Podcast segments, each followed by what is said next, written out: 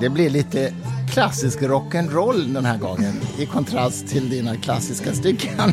Jag tänkte det när du började spela det här. Alla fattar ju vem det är som väljer musik idag. Eller? Så bra låt. Höj!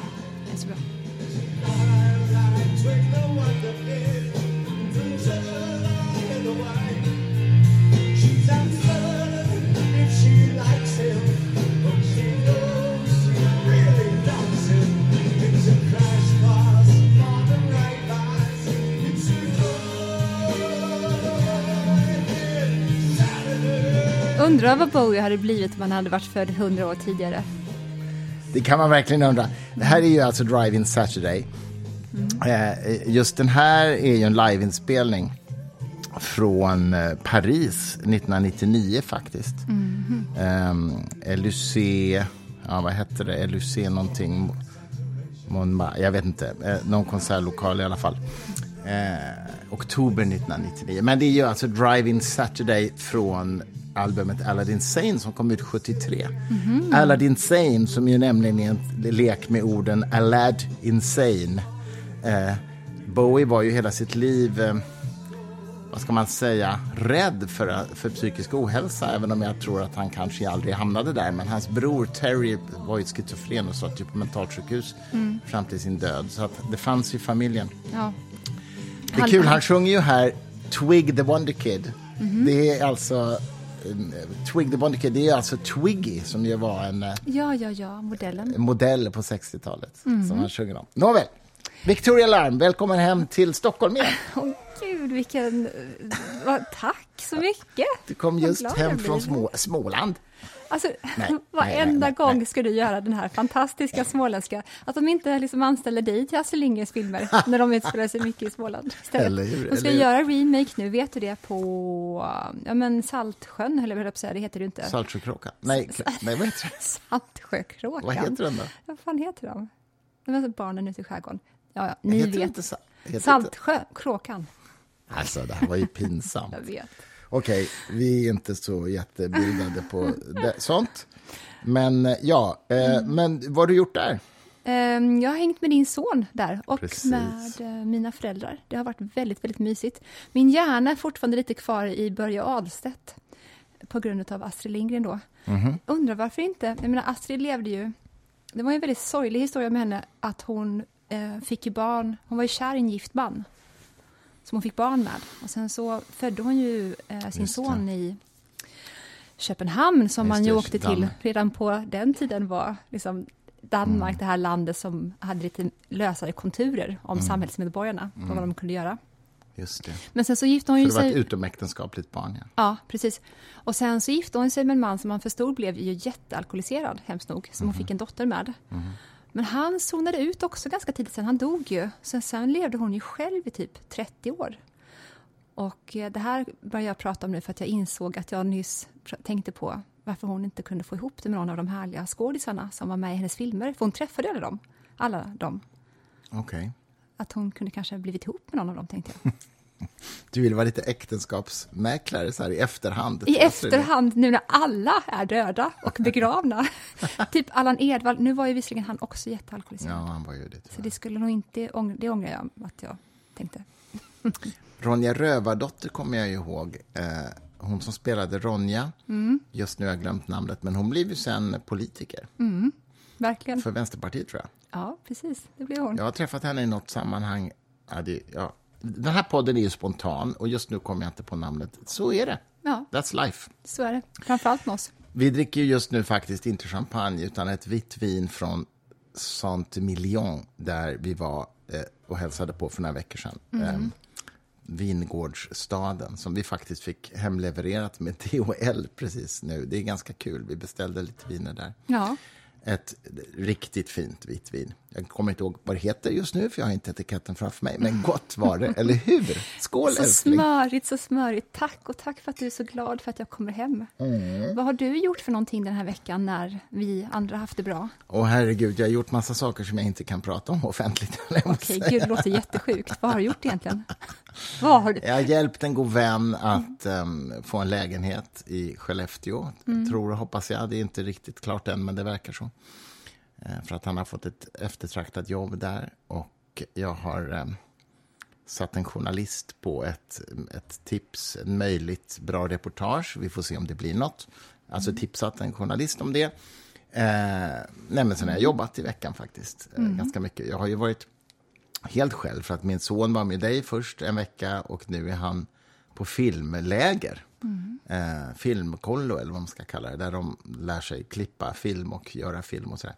Mm. Så, att, så nu är du och jag själva en vecka. Mm. Precis, och under den här tiden då som jag har varit ifrån dig eh, och då när jag inte varit med Leo har jag ju tänkt ganska mycket på vad min nästa bok ska handla om. Mm, För jag håller på att skriva klart nu den tredje boken i den här serien. Mm. Och, du ska eh, lämna manus typ nu, ja, om, om, ett par veckor? Om en och en halv vecka. Mm. Och det gör ju då att allt med den här boken är strukturerad och planerad in i förbannelse. Så att det gör ju då att det finns ett massa mentalt utrymme över att tänka på vad ska bli nästa sak. Eh, och då har jag ju verkligen börjat landa lite i att det kommer att såklart vara skönlitterär bok och det kommer mm. alltid vara thriller när jag skriver. I alla fall spänning av någon sort. Men eh, jag älskar ju att blanda historisk spänning med bildning också. Så att det finns ju alltid det här bildningsstråket i mina böcker. Det går ju igenom alla dina böcker. Ja. Och jag har ju nu då helt snöat in på hermetism ordentligt. Och tänker att det ska vara den här underliggande ja, men blodomloppet som får karaktärerna att agera som de gör. Eh, för att det har ju också att göra med då, de här hermetiska böckerna som finns på riktigt. Kan du definiera hermetism för lyssnarna kanske? Mm. Och så. Absolut. Och vilka eh, böcker Den hermetiska traditionen kommer från Egypten från början. Och eh, det fanns alltså skrifter som är bevarade än idag som kommer från 200-talet efter Kristus födelse. Efter vår tideräkning. Efter vår tideräkning, precis. Och Som den, jag säger. Den mest berömda skriften heter då Corpus Hermeticum. Mm. Och eh, den är skriven då av en person som man tror heter eh, Hermes Trismegistos, men som förmodligen bara är ett samlingsnamn. Det är många olika källor. Se på det som Bibeln mm. ungefär. Så det är, det, är inte, det är en fiktiv person, så att säga, men det har olika källor? Ja, eller olika personer ja. bakom? Och den här traditionen går förmodligen ja, men säkert tusen år bakåt i mm. tiden, från och med det att de här böckerna då, mm. eh, skrevs ner på 200-talet. Och sen, förstår du, Sturmark, så var det så att den hermetiska skatten idémässigt var någonting som judarna förvaltade i Egypten och hade gjort under många århundraden. Men sen i samband med att kristendomen kommer och lägger ett enligt din mening då i alla fall. En våt filt över alltihopa. över alltihopa. över alltihopa. Då innebär det då att de antika filosofernas skrifter, mm. eh, allt som var dess innan kristendomen kom helt enkelt, är sånt som inte direkt eh, eh skyltas upp med. Det spelas då, ner i alla fall, det spelas. Ner, och vissa fall ta, tas bort, eller spelas ner. Ja, mm. ja, precis så är det. Men sen då under renässansen, när man nyupptäcker då Platon faktiskt, eh, då är ju det tack vare de här stora mecenaterna. Det är därför det heter renässans. Det ju, ja. betyder ju återupptäckande ja, ja. eller på nyttfödelse av de grekiska idealen och, och filosoferna. Mm. Ja. Och då så är det så roligt då att eh, väldigt mycket av det som blir renässansen blir det tack vare den här familjen, Medici-familjen i Florens. Medici, ja, precis. Mecenaterna. Ja, mm. precis. Så att där kan man verkligen eh, slå alla på fingrarna som menar att folk som blir rika vill bli rika bara för sakens skull. Mm. Det Med Medicis, det är alltså på italienska säger man det, men man säger Medici kan man också säga. Mm.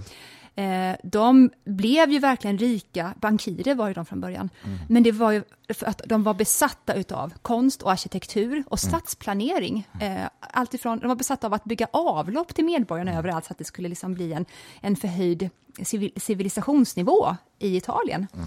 Och eh, när då den här patriarken under, fem, jag tror det var 1508, eh, han, eh, då som är Medici, han eh, beställer av en översättare att han ska eh, hantera de här skrifterna som han, Medici, har kommit över i en skattkista, ungefär. Mm. Och i den här kistan då så ligger det förutom då antika skrifter eh, som innehåller Platons texter, så finns också då den här eh, hermetiska skriften som Hermes Trismegistos namn står på. Okay. Mm. Så att den här skriften, hermetiska skriften har varit dold då i uppskattningsvis ja, men 1300 år. Och när Medici-pappan får syn på den här skriften, då säger han till sin översättare, skit i alla andra skrifterna, börja med den. Vad är det för någonting? Och det är en ganska liten pamflett och den finns att läsa än idag. Den finns till och med på Storytel faktiskt. Oj. Den är in, inte inläst, men man kan läsa den där. Och där i då beskrivs eh, den forna världen, alltså i Egypten då, syn på vad universum och kosmos och människan består av och vad vi är för någonting. Det är en slags kosmologi kan man säga. Alltså. Ja, det är det. Och eh, vi är ju besatta, du och jag, av eh, på vilket vis som Vedanta knöt an till de kvantupptäckter som gjordes under 1900-talets början, eller snarare då hur de fysikerna kunde se att det fanns ett språk i Vedantan. Jag skulle vilja säga, och detta är då den nya fysiken som kommer under 1900-talet. Den klassiska fysiken, som börjar med Newton kan man nästan säga, ja, den beskriver de stora objekten i världen, de stora kropparna. Och problemet är då att de här lagarna som finns för den, de stora kropparna i världen går inte ihop med de lagarna som gäller för den lilla, lilla Ja, så är det ju. partikelvärlden. Precis, och det är ju det här ehm, mysteriet som jäckar fysiker än idag. Men då, Och själva gränsdragningen jäckar verkligen fysiker. Ja. Det finns klassisk fysik och det finns kvantfysik som verkar på olika nivåer. Och var går gränsen? Det vet man inte. Och den flyttas dessutom hela tiden i forskningen, vilket är en annan historia. Men fortsätt, det är Mm. jätteintressant det där. Eh, Men jag skulle vilja säga att den klassiska fysiken hade inte blivit av, åtminstone inte där och då, om det inte hade varit för att Medici-pappan hittade den här hermetiska skriften. Därför, och nu har jag skrivit upp lite grann för ovanlighetens skull faktiskt. Copernicus till exempel, som ju då eh, beskrev om hur jorden roterar runt sin egen axel, eller hur? Och pl- planeterna kretsar kring solen. Det vill säga att sol, solen är i centrum, Mm, jorden är inte det. Den heliocentriska världsbilden. Ja. Han är ju först med den, om jag förstod det rätt, eller hur? Ja, Ja, den mest Förutom- kände. Förutom att det fanns ju sådana föreställningar redan på antiktid också, Ja. i och för sig. Men, men ja, han Ja. var först i den kontexten i alla fall. Ja, precis. Eh, I sin bok om detta så berättar han att detta var någonting som han hämtade från hermetismen från början. Eh, där nämner han alltså i sin bok om, om hur eh, himlakropparna rör sig på det här sättet och att han sen bara räknade ut om det stämde eller inte. Och det gjorde det. Wow, Japp. intressant. Eh, Kepler var också hermetiker. Och eh, han beskrev ju hur planetbanorna var elliptiska, eller hur? Ja, Och det var ju sen då grundläggande för Newtons teori sen. Det var någonting som behövde mm, finnas innan alltså är det Newton. säkert, ja, ja, du, du, ja, jag känner igen det här. Men de var elliptiska, de var inte cirkulära, de var alltså inte liksom rena cirklar, utan de var just elliptiska, alltså en oval cirkel. Ja, Ja, precis. precis. Mm. Eh, och det, han är alltså en, eh, han visar upp sig som hermetiker överallt, Kepler. Mm. Han är frälst som hermetiker. Och han predikar också, inte bara i sina vetenskapliga skrifter, om att det finns en stor världssjäl. Och detta är ju någonting som också hermetiken står, tror på. Men att det är centrumet av Heter det hermetik eller hermetism? Ja, man kan, det beror på Både, hur du både och använder kanske man kan säga. Ja. Okej. Mm. ja, jag bara undrar. Eh, och att vad som är centralt för den hermetiska traditionen, det är ju att solen är i centrum. Och eh, då är det många som har tänkt, ja men det finns ju många solar. Men de menar att det finns en enda jättestor sol i centrum. Sen behöver inte den vara större än de andra, men det finns ett centrum i detta stora rymdtillvaron. Och i det centrum finns, finns en sol. Sen finns det massa andra solar. Men vad som är då väldigt eh, speciellt är när Giordano Bruni, eller Bruno som han också kallas, Ja, just det. Mm. Just det. han eh, dök ju då upp på scenen runt 1540. Och han är ju då full-blown hermetiker. Och han vill också se sig själv som den hermetiske Messias. Han, han har liksom i ett uppdrag eh, som han har utlyst för sig själv, att han ska liksom se till så att ehm, den kristna traditionen ska göra det den egentligen var menad att göra. Det vill säga att den judiska eh, religionen ska återgå till vad som eh, var egyptiskt från början. Därför att han var helt övertygad om att Jesus fanns eh, och han ville se till så att judarna återgick till sina egyptiska rötter. För de var ju där i fångenskapen ju. Ja. Så att Bruni, eller Bruno, menar ju då alltså att kristendomen är egentligen bara Jesus försök att få judarna att bli hermetiker igen. Så låt oss nu slutföra det. Och han var ju då klostermunk från början faktiskt. Och. För han, jag, jag vet ju att Bruno bland annat hävdar att det fanns liksom att universum var större än vad man trodde, att det fanns flera solar och sådär. Mm. Och det, det ligger ju helt i linje med det du säger nu. Inte bara det, han, han eh, skrev överallt om att det finns många universum. Mm. Okay. Dessutom. Wow. Ja, eh, sen så gick det ju verkligen allra sämst kan man säga för Bruno. För att mm, eh, ja, han, innan han då eh, blev bränd på Campo de Fiori i Rom så gjorde han ett försök till nästan politisk karriär faktiskt. Han åkte alltså över hela Europa med pengar från den franska kungen Henrik III och eh, försökte då knyta ihop det här nätverket bland alla vetenskapsmän, där då Copernicus var, Galileo Galilei också. Mm. Eh, Galileo var ju också hermetiker. Mm, mm, mm. Och försökte liksom få dem som också var, tidigare varit eh, lärjungar till dem och sådär, att kom igen nu startar vi den här revolutionen. Nu skiftar vi på det som katolska kyrkan försöker få oss att tro. Det vill säga att den här, den här frälsningen som kyrkan vill lura oss till, bara de kan erbjuda, mm. det går helt emot hermetiken, eller hermetismen. Mm. Därför att enligt den hermetiska traditionen så besitter alla människor det här stora inneboende potentialet, som är då det här Guds fröet. Och den vägen in att nå det och få det att växa och genomlysa oss med sin kraft, det kan du endast nå genom självreflektion, genom att du försöker bli så vis som möjligt och genom att du ökar på ditt förnuft. Och alla strukturer som försöker erbjuda dig att du kan, du kan bli mer utav mer gudslik i vår samvaro, de, de är bara charlataner. För att ingen struktur kan erbjuda dig det. Du kan bara göra det här arbetet själv. Men du, vad finns det för släktskap mellan hermetismen och indiska tidiga filosofier? Hade de liksom ett utbyte, tankeutbyte? Det enda som jag sett Kanske på... Det enda, jo, jo, faktiskt. Det enda som jag sett på faktiskt, det var att det gick massa, massa båtrutter eh, från Egypten till mm. Indien. Mm. Och jag menar, Vedanta är mycket senare egentligen. Vedanta kom in på scenen, om inte jag minns helt fel nu, runt 480. Mm. Så att då har den hermetiska traditionen varit i omlopp ett tag. Och det var ju absolut så att man åkte, det var ju jätteutarbetade handelsvägar som gick från Egypten till Medelhavsområdet till Indien och sen vidare till Kina också. Mm. Och jag menar, vi tror idag att det tog med flera år att åka någonstans från punkt A till punkt B i den antika världen. Det gick mm. mycket fortare än man mm. tror. Nu kan inte jag ha något exempel på det, men... Nej, men veckor och månader i alla fall. Ja, ja visst, mm. absolut. Mm. Ja. Så att jo, nyheter och idéer spreds väldigt, väldigt fort. Och eh, ja, men vetenskapen, så som vi menar med den klassiska fysiken, det är i princip bara att massa, massa hermetiker har blivit inspirerade att se om de idéerna som fanns i Corpus Hermeticum om de matematiskt gick att underbygga. Mm. Ja, men det, det påminner ju också om Demokritus, liksom, som var den första som postulerade atomteorin, till exempel. Och det mm. gjorde han ju helt a priori. Han hade ju liksom ingen evidens för det alls. Mm. A priori är ju liksom kunskap som inte bygger på någon empiri alls. Mm. Och, eh, men det visade sig ju stämma, så att säga. Mm. Jag bara, bara kom att tänka på, apropå Medici, jag har en...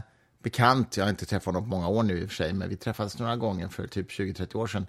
Frans Johansson, han skrev en bok som heter The Medici Effect. Den kom ut i USA. Mm. Medici-effekten hette den väl på svenska, men jag tror att den kom ut i USA först innan den kom på svenska. I alla fall, eh, som handlar om Medici-familjen. Och, och hans tes som han driver, som faktiskt är väldigt kul, det är att han säger att vad Medici gjorde och vad som också behövs idag i kreativ idéutveckling, det är att man, att man har en tvärvetenskapliga perspektiv på saker. Medici-familjen mm. sammanförde så att jag, kompetenser från väldigt många olika discipliner och lät dem verka samverka, så att säga. Mm. Och eh, boken som han skrev då säger just det att väldigt mycket utveckling idag, den sker linjärt, så att säga. Man, man gör man har en tillverkningsprocess och så gör man den lite snabbare eller lite billigare eller lite effektivare. Och det, det är ju bra i sig, så att säga. Men innovationerna, de sker i intersektionen mellan kunskapsområden. Ja. När man förenar, och sen har jag en massa jättefina exempel i den här boken, till exempel en en eh, biolog som har forskat på myror och myrstackar och som sen blir arkitekt och bygger hus och då använder sig av så att säga, kunskap om hur myror bygger myrstackar mm. använder han sig av i sin arkitektursverksamhet. Det är inte så att han bygger hus som ser ut som myrstackar, jag menar, så enkelt är det inte, men han använder idéer som de använder i myrstacksbyggandet för att vara innovativ som arkitekt, förstår du? Ja. Och, och, det är ett exempel på den här intersektionell så att säga, kreativitet. Och hans bok Medici-effekten säger just att det är det som behövs mera för att driva innovation. Ja. Och han hämtar liksom hela sin grund för det här just i familjen Medici.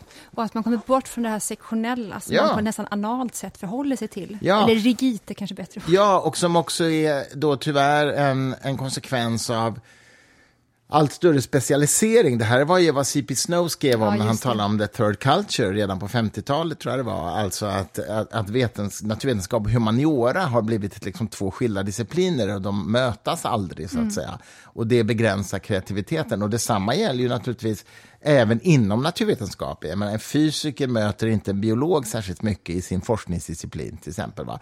Därför att det krävs otroligt mycket specialistkunskap idag ja. för att vara fysiker på, på, innovativ nivå. Och likadant för en biolog, så de har liksom inte tid Nej. att korsbefrukta varandra. Nej. Och där tappar vi någonting. Men det kan säkert AI hjälpa oss med. Exakt. You bet att AI kommer att hjälpa för oss med. På 1900-talet, när den moderna vetenskapen var verkligen fortfarande i sin vagga, då var det mm. fortfarande så att eh, man hade bara kommit till de ytskikten vad det gällde de här kunskaperna eller mm. de olika sektionerna. Så att det gick ändå att på en ganska kort tid sätta in varandra i var man befann sig, eller vad man mm. hade gjort och bakgrundsförklaring. Men nu är vi liksom 438 000 lager ner och då går det inte det att sätta in en person Nej. i en Nej. sån hastighet så att det blir fruktbart. Nej. Nej. Men alltså, gud vad intressant med hermetismen där. Alltså, ja, det, mm. Ska bara berätta en, en, kort sak till. Nu är ju det här bara ett begrepp för många, om det ens är det. Jag tycker att ni ska söka på det såklart, men om jag bara ska ge en liten så teaser på vad hermetismen står för, rent filosofiskt, eller hur den ser på världen. Eh, dess mest grundläggande princip är ju det här klassiska, så som ovan, så och nedan.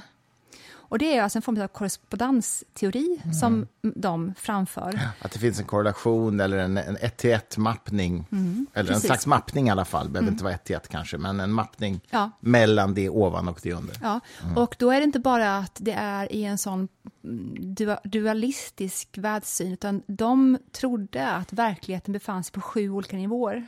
Sju just? Sju just. Och det som händer på en nivå är en, speglar sig sen på ett annat sätt på en annan nivå. Och det speglar sig sen på ett annat sätt på en annan nivå.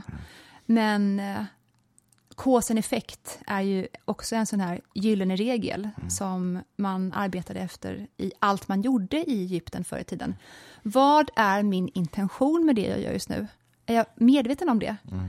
Och då var det alltifrån hur vill jag att hus ska byggas och se ut, eller hur ska pyramiderna byggas, till i min relation till dig just nu, vad är min intention egentligen med det jag gör just nu, eller det jag föreslår just nu? Är jag klar med det? För det kommer att komma tillbaka till mig, det kommer påverka mig på något sätt sen. Mm. Och det menar jag inte bara i yttervärlden, det också, utan det finns någonting som är inom mig som kommer att vända och vrida på sig ut efter hur jag hanterar att göra rätt eller fel. Mm. eller att till exempel ja, eller om vi bara liksom försöker använda modernt språk idag. Den här situationen som jag står inför just nu, blir jag mer eller mindre mig själv när jag går åt det ena eller andra hållet? Mm. Det är en bra fråga att ställa sig själv alltid. Verkligen. Och det kan ju bara vara så här, ja, man kan ju då börja pilla sönder den där frågan med att säga, ja men vad menar man med det och bla bla bla. Man bara, sluta, tyst nu, du vet precis vad jag menar med det. Alla vet precis vad jag menar med det. Försök inte att överanalysera bort det här. Var det där en uppmaning till mig innan jag ens hade sagt det? Nej, älskling! Du såg inte alls så himla bångstyrig ut.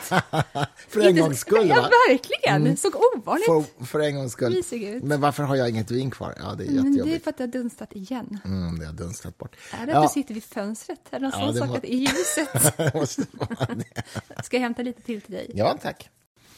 Men du, vet man någonting om... För du sa att den här troligtvis mytologiska karaktären är egentligen flera personer som har liksom, vars texter har samlats till den här skriften. Vet man någonting om de källorna? Liksom? Eller hur mycket Nej, vet man? Nej. Nej. Det är i det fördolda. det är i fördolda.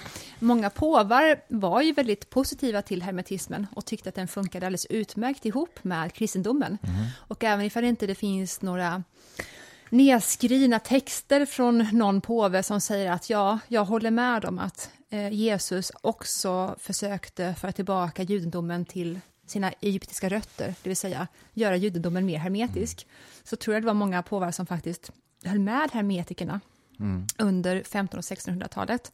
Och det kan man bara tro för att de eh, fyllde sina palats med eh, skulpturer som var eh, skapade efter hermetiska principer, tavlor och man, lät, man anställde också arkitekter som byggde palatsen i Vatikanen utefter de hermetiska principerna. Gyllene snittet är ju till exempel också en sån sak som är en hermetisk produkt. Mm -hmm. Är det det? Mm -hmm. Kommer det från hermetismen? Alltså? Mm -hmm. Wow, intressant. Och sen så då lyftes det upp av genierna under renässansen. För gyllene snittet har man ju så att säga även i tror i alla fall, i biologisk mening kunnat liksom verifiera att det återkommer ju i naturen mycket. Det är en speciellt förhållande mellan längder. Ja, visst. Precis. Som finns liksom i, i biologin och i naturen. Ja, visst. Mm. En, om jag får berätta, mm. eller var du klar med just... Jag skulle bara säga, ja? Vad mysigt. Alltså, du berättade för mig om det här med fraktaler. Jag satt mm. och sökte på det jättelänge mm. i förrgår kväll. Mm. Det är, har inte ni sökt på det så gör det. Fraktaler, Fraktaler. och hur de finns i naturen. Ja, ja. Man blir helt besatt. Hela tiden. Mm. Mandelbrott tror jag han hette, matematikern som definierade Klart de begreppen. Benoit Mandelbrott har jag för mig att han hette. Funderar du någonsin på att döpa Leo till Mandelbrott istället för Leonardo? Nej. Leo är ju döpt efter Leonardo Fibonacci. Fibonacci, medeltida matematiker, precis. Fibonacci-serien, exakt. Mm. Eh, just det, vad är det nu då? 1, 2, 3, 5, 8 Eh, 13, ja, och så vidare. Ja, ja, ja, ja, ja. Summan av de två tidigare numren. Ja. Fibonacci-serien, som mm. återkommer i naturen hela tiden. Ja, men desto viktigare är det ju med i Da Vinci-koden. Exakt.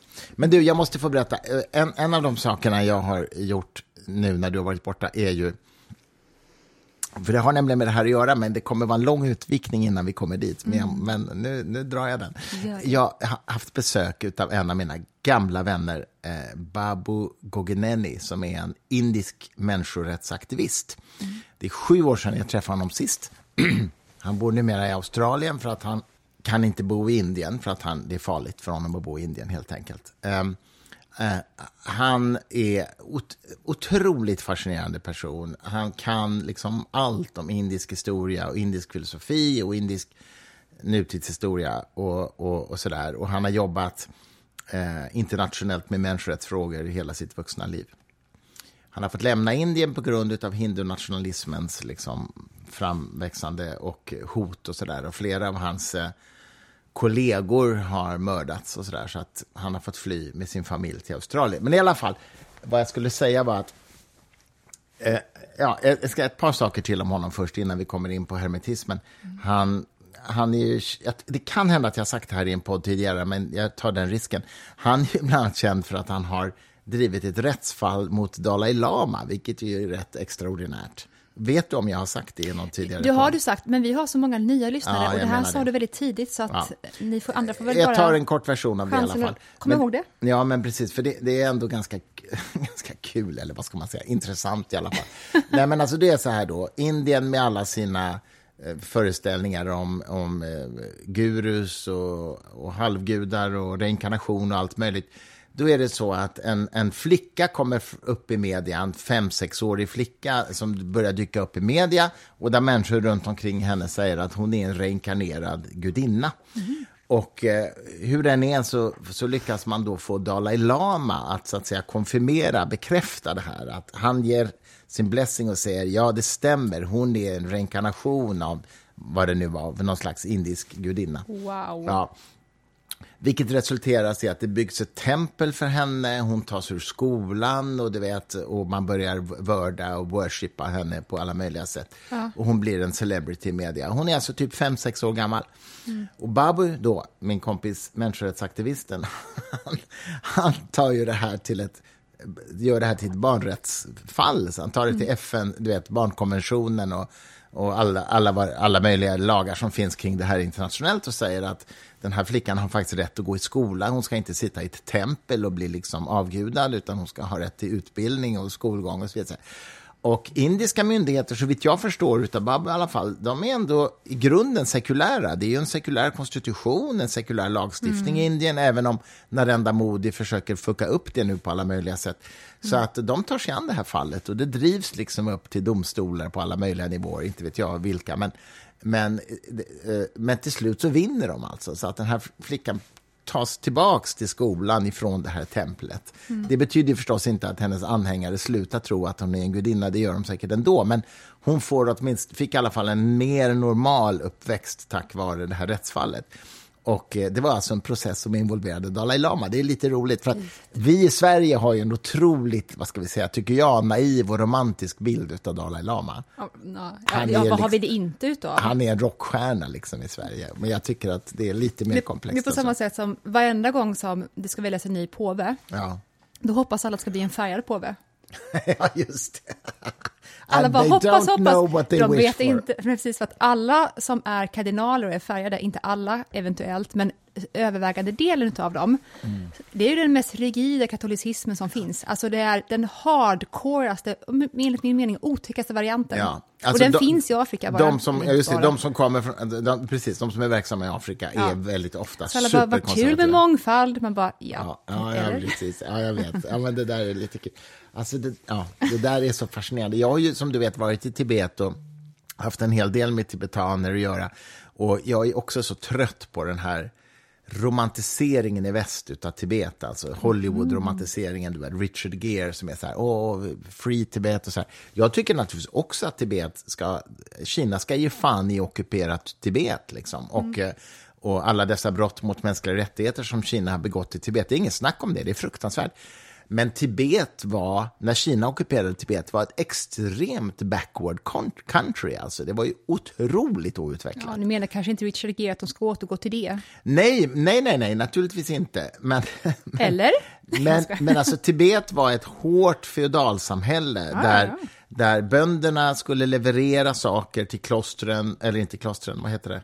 Jo, det heter det. Templen. Templen till munkarna och gjorde de inte det så bestraffades de och du vet, det var, mm. det, det, var liksom inget charmigt samhälle. Nej, men det kanske låg i tiden lite grann också att man betedde sig så. Överlag, överlag i hela världen. Säkerligen. säkerligen. Men, men, det var, men det var en kultur och en religion som inte var framstegs vänlig om man säger så. Nej, nej, utan nej. Det otroligt men det är två olika saker. Vi behöver inte gå in i det så mycket. Nej, men, men vad jag menar är att det finns en romantiserad bild av Tibet som ett slags Shangri-La som ja, liksom ja. hade någon slags ursprungs, du vet, mm, det var mysigt. Ja. Eh, jag var i Tibet sommaren 99 och, och, det är en fantastisk miljö och på, häftigt på många sätt. Men det var ju inte ett land som var liksom utvecklat. Och så vitt jag vet är det fortfarande väldigt, väldigt Nej, outvecklat. Ja, men ut, ja, nu, nu eh, utveckling betyder inte alltid att människor mår bättre heller. Däremot ifall ens rättigheter som medborgare stiger, då mm. tror jag att man överlag mår bättre i det, det landet. Det men eh, jag tror inte till exempel att den teknologiska revolutionen har fått oss att bli bättre eller må värre. Det finns ju forskning på det som visar ja, det också. Ja, eh, okej, okay, det är nog både och. Bara det faktumet att man har ett utbyggt mobilnät gör ju till exempel att man kan få det, det, vet jag från en del afrikanska länder, att man kan få eh, vad heter det, råd under graviditeten. Via, jag har goda vänner som jobbar med mödravårdsfrågor i Afrika. Ja. Eh, att, att det finns ett utbyggt mobilnät gör att man kan få råd via sin mobiltelefon om graviditeten, ja, vilket är, minskar barnadödligheten. Ja, det är såklart för. Nu är ja, det, det en, en, omöjlig fråga att sätta hur många eh, minusstaplar finns det på vad moderniteten har gett människan idag, hur många plusstaplar finns det? Mm. Ja, det finns jättemånga plus. Nej, men jag menar bara att det, det, är ett exempel på en teknologisk utveckling som jag tror kan göra väldigt mycket nytta i, i länder som är, befinner sig på det stadiet, så att säga. Mm. Alltså att man, information informationsspridning. Jag har en god vän som har, jag vet inte om hon har doktorerat, men hon är i alla fall docent i internationell hälsa. och hon, hon har sagt till mig att barnadödligheten i en del afrikanska länder går alltså att minska drastiskt, inte med, med så att säga verktyg, utan bara via kompetensutveckling. Alltså mm. bara kompetensutveckling på sjukhusen och hos allmänheten minskar barnadödligheten drastiskt. Det tycker jag är rätt intressant. Um, apropå mm. hur man hanterar, hur vi använder våra bistånd och sådär. Alltså att ren utbildning kan alltså göra jättestor nytta. Men det var inte det som var min, jag ville komma till någonting helt annat. Um, Babo Gogeneni, som jag gjorde en, eh, tror jag, två timmars podd med häromdagen på min andra podd, Fri Tankepodden. Går att lyssna där snart. Um, han, han är väldigt rolig alltså. Han, han är ju en slags uh, rationalist celebrity Indien. Han är med i mm. tv-shower hela tiden. Mm. Bland annat har han utmanat nyligen en sån här jättekänd astrolog i Indien. Astrologi är ju jättestort i Indien. De har ganska stort inflytande över vilka beslut folk fattar och sådär. En astrolog som, som är, var celebrity och som liksom har gått ut och sagt att jag, jag gissar 99 procent rätt. Eh, astrologens slagord är typ så här i don't guess 100% right, uh, right because then I'm God. But I'm 99% right. Det, det är den här astrologen. Catchy ändå. Very catchy. Och Babbe hade då, den här astrologen publicerar sig på Youtube och sådär jättemycket hela tiden. Så då hade han samlat hundra utsagor som den här astrologen hade gjort under senare tiden som inte hade fallit in. Mm. Och sen mötte han honom i direktsänd tv-show som var två timmar lång. De har, det skulle aldrig hända i Sverige, men i Indien har man tydligen såna här oändligt långa tv-shower. I Indien har man tid till det. Ja, där man tid Och det är så jävla roligt. Jag har sett lite av det. Jag förstår ju ingenting, för de pratar ju sitt språk. Men, men de, det är en oerhört animerad diskussion mellan de här två. Mm. Och det slutar med att den här astrologen lämnar studion. Ja. För han blir så jävla tillplattad. Mm. Och, eh, eh, och den här har haft miljoners views på Youtube tydligen, för den ligger på Youtube. I alla fall. Eh, Babo berättade för mig någonting väldigt intressant om Vedanta, som ja. vi har pratat om massa gånger och som han hade en ganska kritisk hållning till, fast ur ett annat perspektiv än vad jag kanske har tänkt på förut. Mm. Och det tyckte jag var intressant. Han berättade för mig då att, vilket jag inte riktigt hade klart för mig, att Vedanta betyder ju efter Veda. Det är ett, liksom, skrifter och tänk, tankar som kom efter Vedaskrifterna. Mm. Eh, eh jag hade inte det riktigt klart för mig, men i alla fall. Och han berättar då att det här, det här var liksom en filosofisk skola. Vedanta är inte, liksom inte bara en text, utan det är liksom en hel filosofisk skola som fanns och som också hade många olika riktningar inom sig, så att säga. Det fanns en del som hade som var mer religiösa i traditionell mening, att man räknade med liksom, övernaturliga entiteter. Och det fanns andra riktningar inom Vedanta som inte gjorde det. Som var naturalistiska? Som, ja, helt naturalistiska, precis. Mm. Men det, det, är ett ganska brett spektrum. Och många olika böcker inom. Jag menar, I ja. kristendomen så finns det Bibeln, that's ja. it. Ja. I, inom Vedanta så finns det inte hur många böcker som helst. Mm. Mm. Precis, han förklarade det. Så att jag hade inte fattat riktigt alltså hur brett liksom, och omfattande det här var. Men i alla fall, men han sa en sak som jag tyckte var tänkvärd. Skulle vara kul att höra vad du säger om det. Han sa så här, det är inte bra... Ähm, han höll ju med om att, att det, allt det här som vi har pratat om, att liksom kvantfysikerna inspirerades av det här och så där. Mm och, och, och, så är det ju, det är ju liksom tveklöst. Men han sa så här, det finns en stor fara med om man tolkar det som om att de som tänkte de här tankarna på den tiden satt inne med en, vad ska vi kalla det, fördold eller högre visdom som vi först nu upptäcker. Eh, därför att det missbrukas just nu väldigt mycket av de politiska, religiösa rörelserna i Indien. Mm. Eh, och ta till exempel, det finns ju en motsvarighet inom grekisk filosofi. Ta Demokritus som lanserar atomteorin. Mm vi vet att han gjorde det. Mm. Men det var, ju, det var ju så att säga en filosofisk spekulation. Den var helt a priori. Han hade inga belägg för det, utan det var en, en tankestruktur som, som var avancerad och genomtänkt. Och han kunde haft rätt och han kunde haft fel, så att säga. Sen har det visat sig att det stämde med, med vetenskapen. Mm. Eh, men, vad, men man tänker ju normalt sett inte så här att eftersom Demokritos hade rätt om atomerna mm. så hade han rätt om en massa andra saker också, bara det, bara det att vi inte har fattat det än. Eh, så tänker man ju inte. Och när det gäller Vedanta och indisk filosofi så används det på det sättet av indiska politiker idag? Mm. De säger så här, eftersom Vedanta eller indiska filosofer hade rätt om det här, så har de rätt om en massa andra saker också.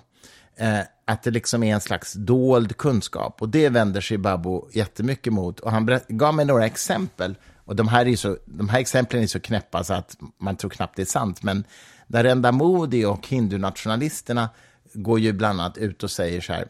Vi, har upp, vi uppfann flygplanet 3000 år eller 2000 år före västerlandet. För det finns exempel i våra mytologiska skrifter mm. på flygande farkoster till exempel. Va? Mm. Och, det, och, och, då säger man så här, och det fanns då, det, ni har bara återupptäckt det i västerlandet. Den hinduiska eh, religionen och folkslaget är helt överlägset väst. Liksom. Mm. Ett annat exempel som är, eller två andra exempel som är nästan komiska, det är att det finns ju en gudinna som har ett elefanthuvud. Mm. Jag älskar henne. Minns inte vad hon heter nu. Nej, jag hon, hon, är heller. Topp, hon är toppen. Ja, hon är säkert toppen. Det är möjligt. Men alltså, på riktigt, så, alltså, man ska komma ihåg att Indien är ett mycket stort land och många människor är ju helt akademiskt outbildade. Så mm. Det finns alltså krafter i Indien som säger så här, de här mytologiska skrifterna berättar om en kunskap som vi hade på den tiden, som har gått förlorad och som väst nu försöker göra anspråk på. Till exempel kirurgi. Men titta på den här varelsen med ett elefanthuvud, det visar att man hade transplantationskirurgi redan på den tiden. Alltså att man kunde flytta ett elefanthuvud till en människokropp. Och det här låter ju helt koko såklart, men tänk, betänk att det här säger man till liksom människor som bor på landsbygden i Indien. Och det, det tre, eh, ytterligare ett exempel. Det finns en mytologisk saga om någon kung, jag kommer inte ihåg namnen nu och sådär, men han berättade om det här i podden. Den som vill kan lyssna där vars hustru är gravid och hon vill inte ha det här barnet. Så att hon slår på sin gravida mage för att förstöra det här fostret. Mm. Så att det delas upp i 101 delar. Mm. De här 101 delarna tas ut då ur hennes mage. Och, en, en klassisk arketypisk berättelse, jag, jag finns kan, överallt. Jag kan, jag kan tänka mig, men det, men det är ganska... Mesopotamien är den tidigaste ja, jag kan komma på. Men det är, ganska, det är en ganska häftig historia. Så bara, låt mig bara berätta, för den, den är häftig i sig, så att säga. Eh, de här 101 delarna tas ut och sen odlas de på något sätt upp till individer. 100 män och en kvinna av någon anledning. Fråga mig inte varför. Hon, hon kommer inte få det lätt. Nej, precis. Men det är vad mytologin säger eh, i, de här, i de här sagorna. Då. Men va, min poäng är att alltså, idag säger hindunationalister i Indien det här bevisar att vi hade test tube babies, eller vad heter det, in, ja, ja, in vitro IVF-behandlingar. Det fanns, vi upptäckte det långt innan väst. Mm -hmm. ja, jag tycker bara det är en intressant reflektion. Så kontentan som han säger är så här, vi hade fantastiska filosofer, fantastiska tänkare, och de hade kanske rätt i vissa fall och i vissa fall inte, men det är inte så att de satt på en hemlig kunskap som, som så att säga eh, var förborgat för oss andra. Det, det, det är hans poäng, utan de var a priori filosofiska spekulativa tänkare. Eh, ja, det tror ju inte jag. Nej. Jag håller ju inte med om det. Okay. Jag har ju samma hållning till Vedanta som jag har till hermetismen, som jag har till Gödel, som både du och jag älskar. Mm. Min syn på människan mm. i detta stora hela är att om vi förhåller oss rätt till de inre anatomiska, osynliga kroppsdelarna mm. som psyket och det mentala består utav, mm. då kan vi intuitivt förstå saker om världen som inte är lätta att förklara. Därifrån kommer den här greken, vad han nu heter, som hittar atomen. Demokritos. Mm. Ja. Därifrån kommer eh, de hermetiska skrifterna mm. som sätter mm. solen i centrum mm. och säger att det finns många universum. Mm. Därifrån kommer sen då Kurt Gödel när han lägger sig på sin schäslong. schäslong. Jag säger alltid fel för det. Schäslong. Schäslong. och även Einstein, som när han spelar fiol når saker, när han slutar tänka, för du använder ofta tanken som det enda verktyget i människan. Mm. Det finns så många andra mm. saker inom oss som vi inte ens har ord för, men de jobbar så in i, jag ska inte säga djävulen, de finns där, de är så verksamma. Sen blir det en tanke utav det. Men eh, precis de sanningarna som eh, Gödel lyckades fånga in med sin intuitiva lasso tror jag att Vedanta också använde sig av, de som var verksamma då, och inom det hermetiska, och överallt. Det är så det fungerar. Sen är en annan fråga då, bör vi, om man nu är av den uppfattningen som jag är utav, mm. bör vi säga det då, eller inte, för att det används av fel makter där ute? Jag tror ju alltid att man ska säga det man tror är sant. Jag håller helt med om det. Eh, för att också för ett praktiskt motargument. Därför att det kommer alltid finnas fruktansvärda regimer och idioter ja, där ute ja. som kommer förvanska ja, och ändra. Överens, helt överens Så är det din övertygelse, då ska mm. du säga det. Ja, ja. Absolut. Sanningen går för allt. Mm. Men, men där skiljer vi oss nog lite. För att jag tror inte så. Jag tror att världen har varit full av filosofisk spekulation. Ibland träffar man rätt. Men, men jag ska säga, när, jag säger, när jag säger det så ska jag säga så här, jag utesluter inte att det är som du säger, men det är inte, det är inte min förstahands hypotes i alla fall. Mm. Men, men det, that's fine. Men jag, jag, och jag anade att du skulle säga detta och därför tycker jag det är jätteintressant att vi pratar om det. Jag anade att du skulle svara precis så. Men däremot tror jag att vi är helt överens om att oavsett om det är som du säger eller som kanske jag tror då, mm. så missbrukas det av den typen av politiska ja, ja, krafter som är nu? Jag har ju, min människosyn, det vet ju. Jag, jag, vet, jag, vet, Hur den ser ut.